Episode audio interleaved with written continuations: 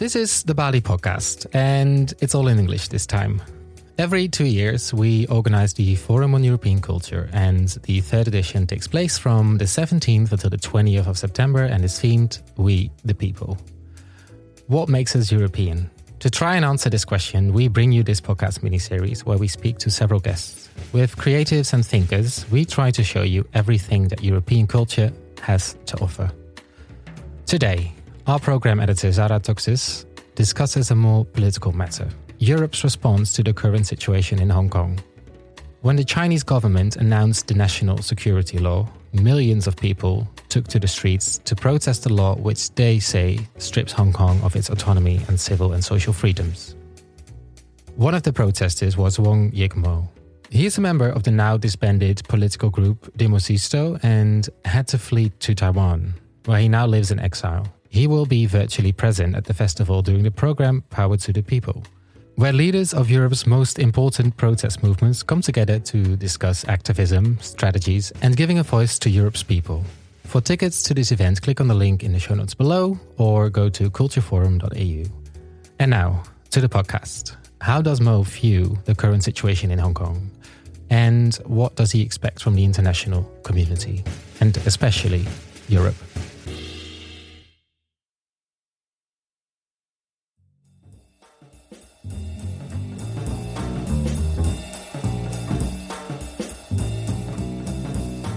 A warm welcome, Mo. Very good to have you here. Uh, you are in Taiwan at the moment. There's uh, some time difference. It's 11 p.m. there. Is that a time to sleep for an activist, or are you still working on things at the moment? Hi, Zara. Um, thank you um, Forum on European Culture for the invitation. Um, right, I, I am home. Um, I'm I'm safe right now, and I'm yes, I'm still working. Um, I'm safe in Taiwan, but um, I think uh, just like many other Hong Kongers who live in Taiwan right now, um, we start to feel homesick. Um, and I think homesick it it doesn't only come from living abroad. It's the fact that um, you cannot go home. And I think the feeling gets stronger as we read the news in Hong Kong, and um, the more we know we cannot go home, the stronger the feeling comes to our hearts. Mm-hmm. And I think um, that's my status right now. But I think um, maybe that's a good thing. Sometimes I even think um, if we have no way back, then um, we will be more determined to try our best to help the situation and to liberate Hong Kong so that we can go home as soon as possible. Mm-hmm because you have been in Taiwan now for uh, three months. You told me since May, and you've yeah, you've sat through some rough and busy times. Uh, you're a full protester, full time protester, if I might say. Uh, can you tell us a bit about like the the, the past months? Um, yeah, what, how did you experience the past weeks and months? Right. You mean the past year? In do you mean Taiwan or in in in Hong Kong? Well, in Taiwan, looking at Hong Kong. I would say. All right. All right. Um, well, in Taiwan, I am actually busy with my, my with my personal things, and that's why I came to Taiwan. And the fact that we cannot, there's not that much that we can do in Taiwan that will make us feel more frustrated. Um, some protesters who come to Taiwan, they try to keep a low profile um, and I think, in fact, that's not that much that we can do from abroad. Um, you know, we can only try to connect with international community, which is ultimately, I think, quite important. But then the um, also because of the coronavirus, um, we cannot physically be in Europe, for example, and living in Taiwan, uh, you feel distant from from Europe, from from Hong Kong. And um, so I think people, well, at me at least, sometimes I feel helpless. Mm-hmm. Um, but then my consciousness tells me that we have to stay strong. Um, don't let this feeling engulf your your soul, because there are so many people who are still struggling in Hong Kong, Yeah, and who can maybe not easily uh, flee, or uh, maybe they don't want to. I also just read that uh, people who tried to flee from uh, Hong Kong to Taiwan were arrested by the Chinese Coast Guard, uh, also including an activist. Mm-hmm. Do you think it will be harder to flee? Um, actually, it has been hard for a while already. It's only the news, um, the press did not disclose this news uh, for many months already. Um, um, we know many people are trying to flee, and um, going away from Hong Kong by by ship has been very dangerous for, for a few months already. Uh, we have been warned if we ever try to help people to to get safe, um, the only way to get away from Hong Kong is through legal means. That means, uh, you know, uh, plane, for example. You know, sometimes we suspect that the dead bodies floating on the sea. Um, a few months ago, we were suspecting that these people were thrown into the sea by the seamen mm-hmm. because they were checked by by by the uh, um, you know by China. Yeah, by the Coast Guard. Yes. Yeah, yeah. And uh, just to uh, catch up a bit, like the, the last months and weeks, uh, there happened a lot. Uh, the, in June, late June, the new security uh, law was adopted. Uh, protesters have been arrested. Newsrooms have been raided. the elections are postponed. And um, of course, the protests started last year and they continued ever since. Um, what what are your demands at this moment? Like, how would you describe the demands of the the protest movement uh, movement at this moment? I think there are actually too many demands. You know, during the protest, we had five core demands. But just as the police and the government, uh, um, as the wrongdoings uh, uh increased, would actually we we need more.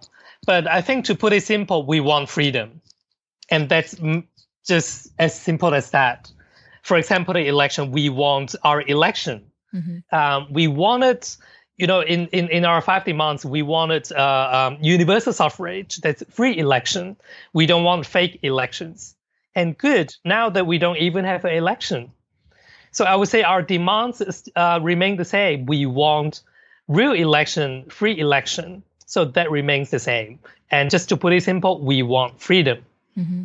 And how is this new national security law an, an obstacle to this freedom? In what sense is it is it an obstacle? It increased the danger and the risk to even speak up for freedom. So in the past years, although uh, we did not have universal suffrage, we could still protest, um, and we could still voice out our opinions um, in recent years, it became more difficult, and especially after the national security law is in force, um, it threatened not just the people but also the uh, civil societies. Well, many NGOs were uh, raising their concerns. You know, uh, many discussions have been going on, like how to be safe and while they uh, still uh, fight for freedom. But to me, that's you know that's self censorship. Um, the national security law is basically telling you to shut up. Mm-hmm. Uh, many things that people talk about, they might be legal today, but tomorrow that might be illegal. You don't know. You never know. And I think the fact that civil society is starting to self censor, and I think that's that's very dangerous. Mm-hmm. That's okay. like a spreading yeah. cancer. Yeah. Can you give an example of what you cannot say anymore? For example, um, connecting to foreign forces, for example, what I'm doing right now, uh, it might be a breach of the national security law because there's such law called um, collusion with foreign forces. Our conversation at this moment. You mean? Uh, well, maybe it can be. It oh. depends on, on on how they view on this. Um, of course, at this moment, I think they will still say, okay, just a discussion will be okay, as long as you don't, you know, uh, uh, provoke other countries to to attack China. But who knows? Maybe tomorrow they will say, oh, that brings harm to China or to the Chinese interests, so that will be illegal. Mm-hmm. and that's the danger of China because there is no rule of law, and you never know when they are going to interpret the law and change um, the interpretation.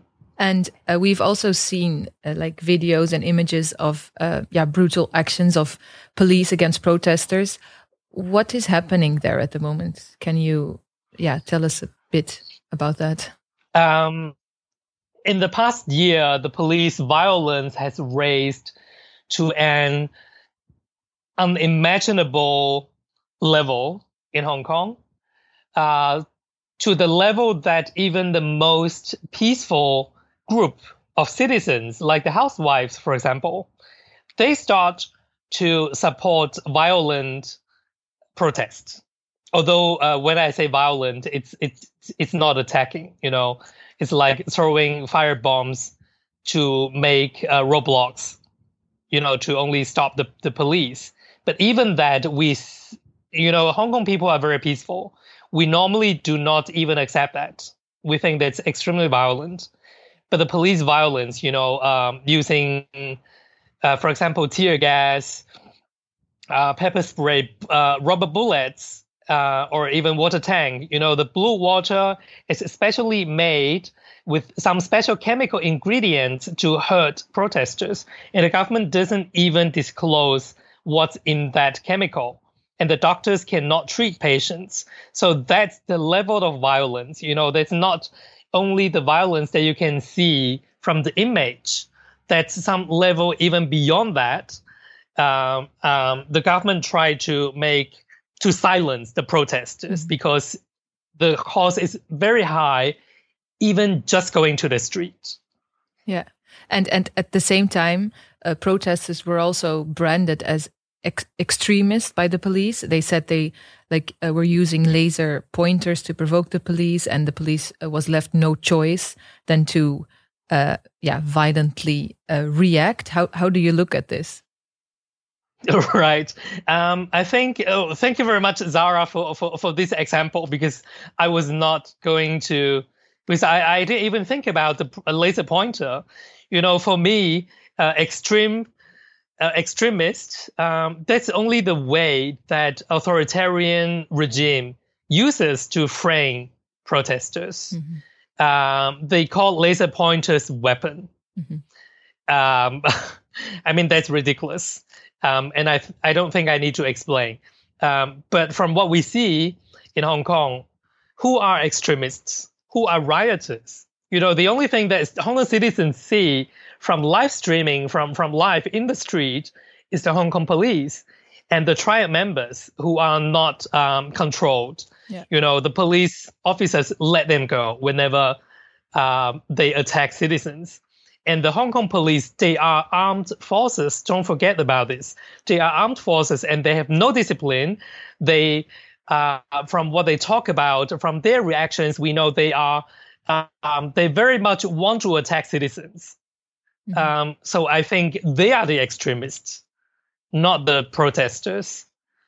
The uh, dissident artist and activist Ai Weiwei, he's recently said uh, what is happening in the, the, the Xinjiang region is a look into the future of what will happen to Hong Kong. Would would you agree with this? That that the current tactics of security forces used in China's mainland are also used in Hong Kong? What I think um, to a certain extent, I, I do agree with that because um, the surveillance in Hong Kong uh, has been escalated. For example, uh,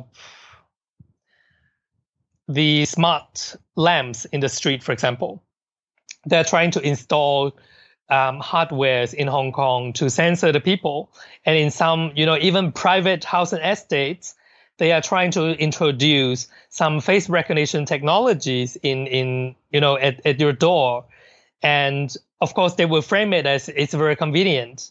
But we know that censorship and that's how all it started. Uh, recently in hong kong the government um, has started a scheme to you know to check whether people have coronavirus if they're infect- infected. But we all know that all these schemes are to, you know, to get our DNAs and to get our information. Um, and the medical staff are from China. You know, they are not allowed by law to come to Hong Kong to practice. And, um, you know, China is mainlandizing everything. So everything will be called special case right now. And, you know, when there are thousand special cases, then they're not special anymore. And people will get used to that. Um, so that's the danger in Hong Kong. And you also you mentioned the the role of the international community. Um, if yeah, let's go to that topic. Do you think there's enough support from the international community, community and specifically uh, Europe, European Union? I think we, of course, we do appreciate what the international community has done and is trying to do for Hong Kong to speak up, but I think that's not enough. Um, the US, for example, is taking more action, while Europe um, is I think what I think Europe has to take uh, stronger action. Mm-hmm. To be to, to be frank, um, I think working within the uh, um, the institution and to have a dialogue with China that's uh, uh, uh appreciated, but then you know only raising concern does not change the situation. Um, so I'm trying to not be radical, but um, I don't know how much European people will agree with me on mm-hmm. this. Um, the situation in East Turkestan, uh, as known as Xinjiang, and Tibet. Well, these issues have been raised by Europe and by, by international community for decades. And what happens now? They are still in hell. Um, we, we, we still haven't saved the people saved the territories.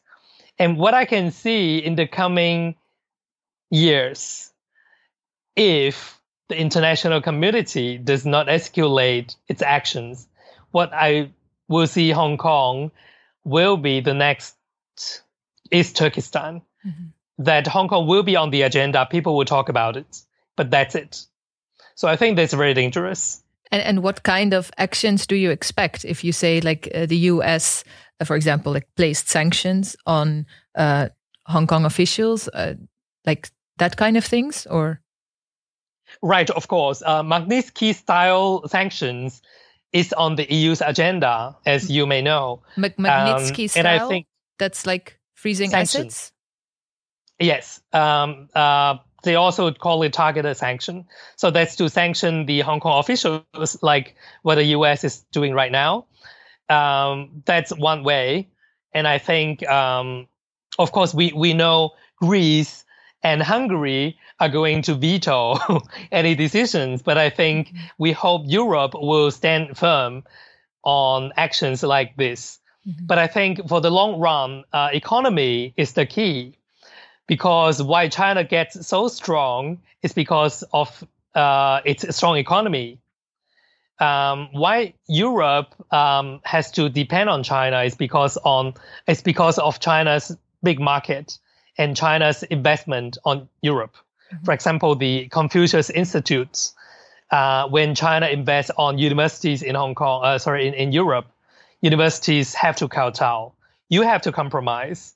And when there's business going on in uh, between China and Europe, then one option is to, of course, to compromise. But I think uh, trade is bilateral. So, um, so why only kowtow to China instead of making China compromise? Mm-hmm. I think that's very important. Uh, but it's also on your value. And what does it mean? I mean, we could use our economic uh, power, but does this mean like adding human rights clauses to agreements, to trade agreements, or stop trade agreements? How should we? I think this, it's actually beyond that. I think it's actually beyond that. Human rights clauses um, that's in the EU law. Whenever you sign anything with the foreign countries, you have to include human rights clauses, and that's good. And I, I hope that's going to happen. But beyond that, I think even signing contracts with China, you know, contracts are nothing for China. Let's look at Sino-British Joint Declaration.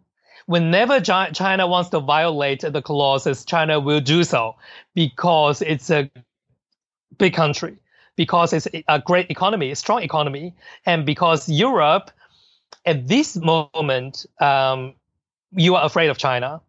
Then China knows that's your bottom line. You need China. So that's how China play things. Sorry, but we sorry, I'm I'm from Hong Kong and I know Chinese culture very well that's exactly the way China plays the game. Um, China plays hardball, and mm-hmm. that's the only thing that China can play. When you look at the ambassadors in, in Chinese ambassadors in Sweden, in, in Germany, and in Europe, then you know that's the way, you know, the, the, the wolf warrior style of China. But I think that has to change because you also know China's card. You know, China also needs Europe when US is not on China's side. So I think um, trade is of course important. I'm not saying to stop any trade with China, but when you trade with China, you have to really tell China when you violate the contract, that's the end of the contract. Mm-hmm. Do not compromise on that. And I know when people are desperate for money to to beg China to give the opportunity to have to, to, to trade with them, then they will kowtow. And I think that's wrong. But uh, during the protests, like uh, the US put some sanctions, and during I saw also some protesters with uh, images of Trump. And how do you how do you look at the Trump administration because they seem to kind of support your cause? Right. I think um, in Hong Kong we have diverse opinions. I think the majority supports Trump only because Trump is anti-China, and Trump plays tough against China. Uh, I think many people also understand that uh, uh, Trump is an asshole. you can even cut this into the podcast. I don't mind. Um, but you know, when people are desperate, that's how people perceive. Um, that's the only hope, especially when U.S. is still the one superpower in the whole world. I think um, one reason is because uh, another strong economy, Europe, is more pro-China, uh, uh, uh, relatively. So that's why Hong Kongers they are desperate to seek, you know, uh, allies. And as a matter of fact, US is the only country that is willing to take action to put pressure on China. So I think, well, of course, I understand the struggle of European people and the governments that uh, uh, they you are very aware of the the problem by Trump. Uh, um, we don't need to go to the depth.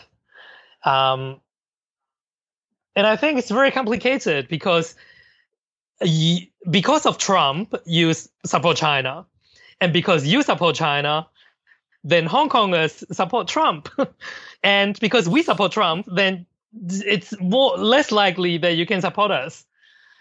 And I think it's very complicated. So for me, yeah. um, but I, I, I do not support Trump. And my former colleague uh, Jeffrey Ngo from Demosisto, well, he said in an interview by, I think, BBC, he said um, Trump is not that important because in the US, uh, when there is um, bipartisan uh, uh, um, consensus that um, China is danger.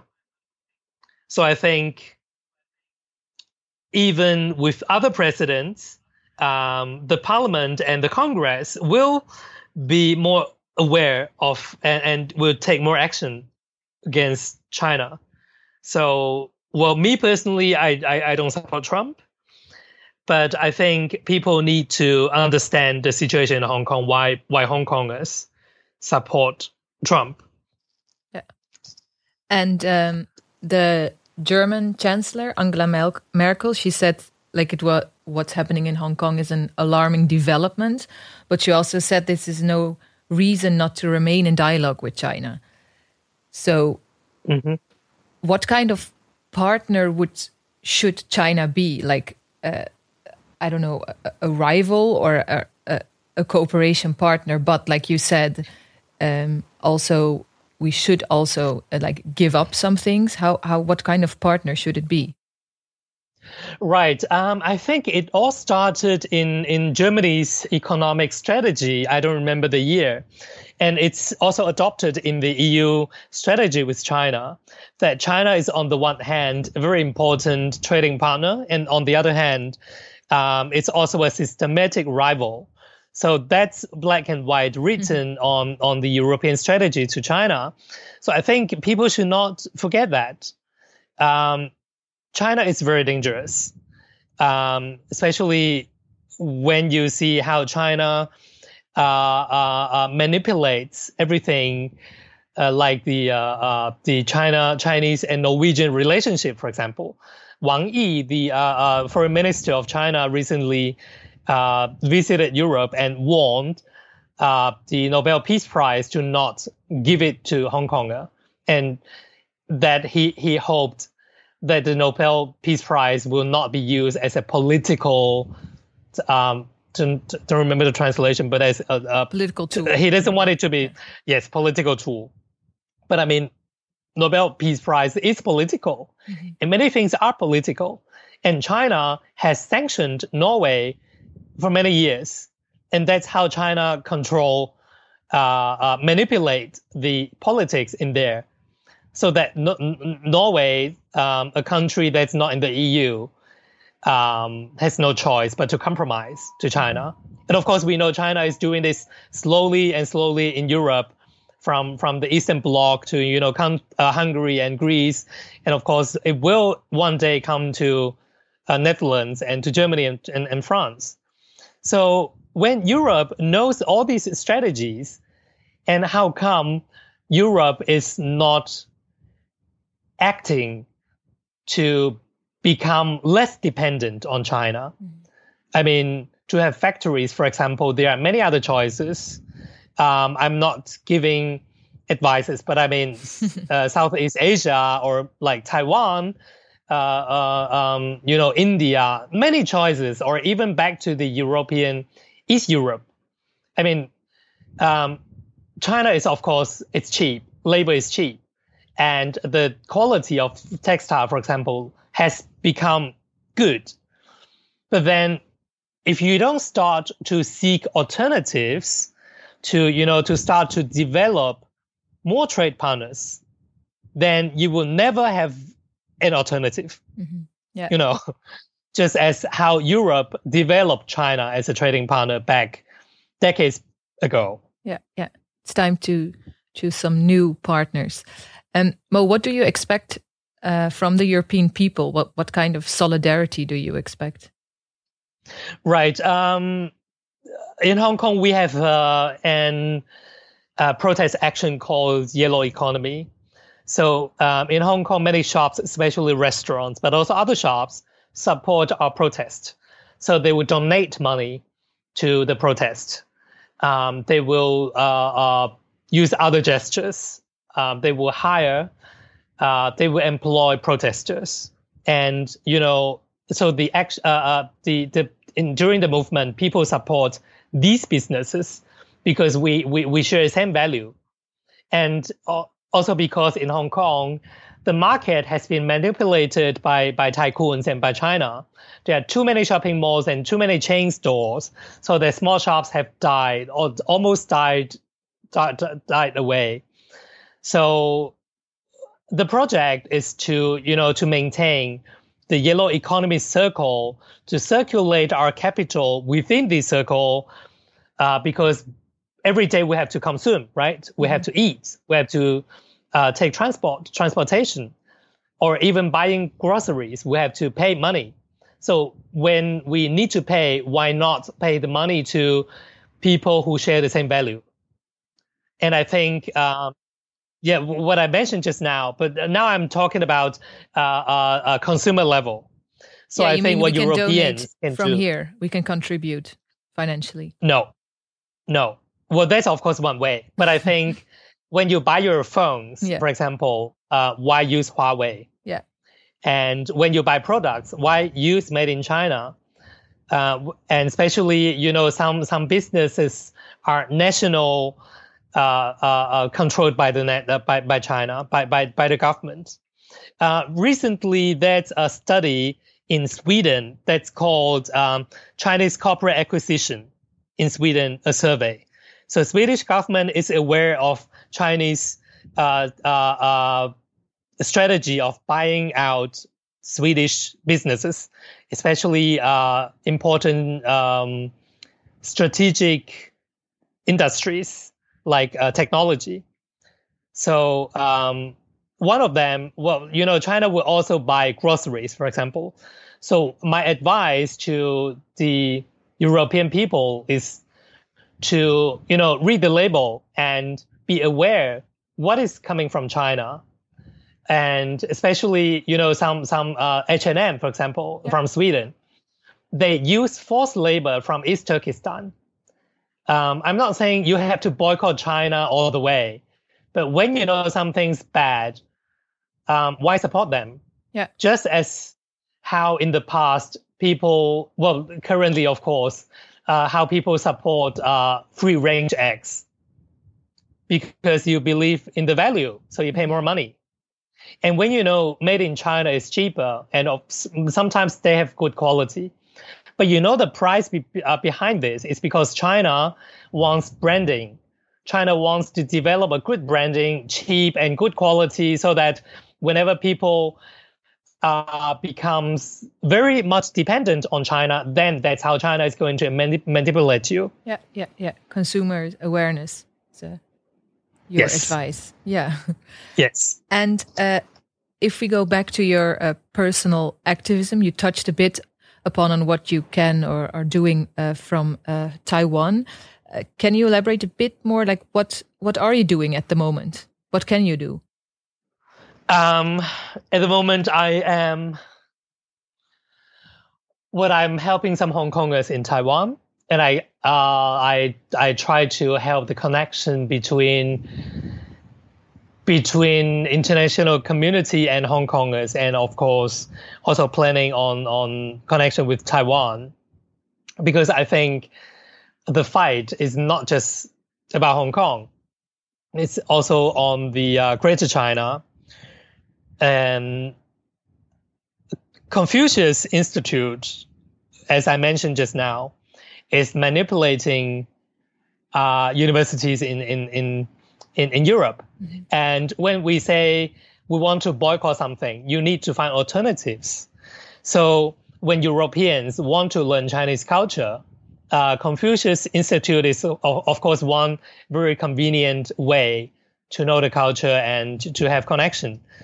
Uh, but I think um, connecting with Taiwan is another way to you know to to to understand Chinese culture, especially China. Uh, sorry, Taiwan did not have cultural revolution, mm-hmm. so we actually have a, a, deeper cultural heritage here.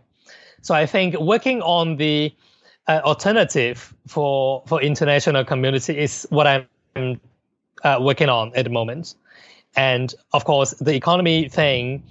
Um, slowly and slowly, I'm still working on that and I hope one day, uh, soon enough, I hope to to announce the project so that uh, um, we can have a um, um, more direct dialogue with Europeans and world citizens. Yeah, I think we would hope that too. And just to be clear, at the moment, it's not uh, safe for you to go back to Hong Kong, or you're not able to go there.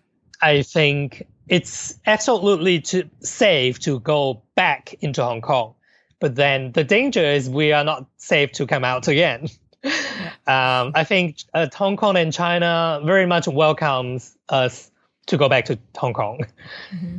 Uh, so that they can have control on us and to, to, to censor us. Yeah, yeah. Uh, so I think until we liberate Hong Kong, yeah. and um, I, I cannot go back. Yeah, yeah. And just uh, the last question before we round up, um, what do you expect or hope to happen maybe this upcoming year? I don't know, just uh, by our imagination. You know, for many years since umbrella movement, um, uh, 2014, we have you know some some some people, some theories are betting on the I don't know the direct translation, but it's called like uh, China breakdown theory. So we only have to insist until China, its system, its economy, and because of its you know corruption and and and and uh, internal politics, that China might break down and collapse, then that's uh, that's our chance. But I think um, I, I I don't think sitting there and waiting will help. So I think what we have to do is to um, well, I'm working on weakening China in international bargaining power. So my ideal situation will be, you know, I don't hate Chinese people. I think many of them are very good people. Um, the evil one is the government CCP.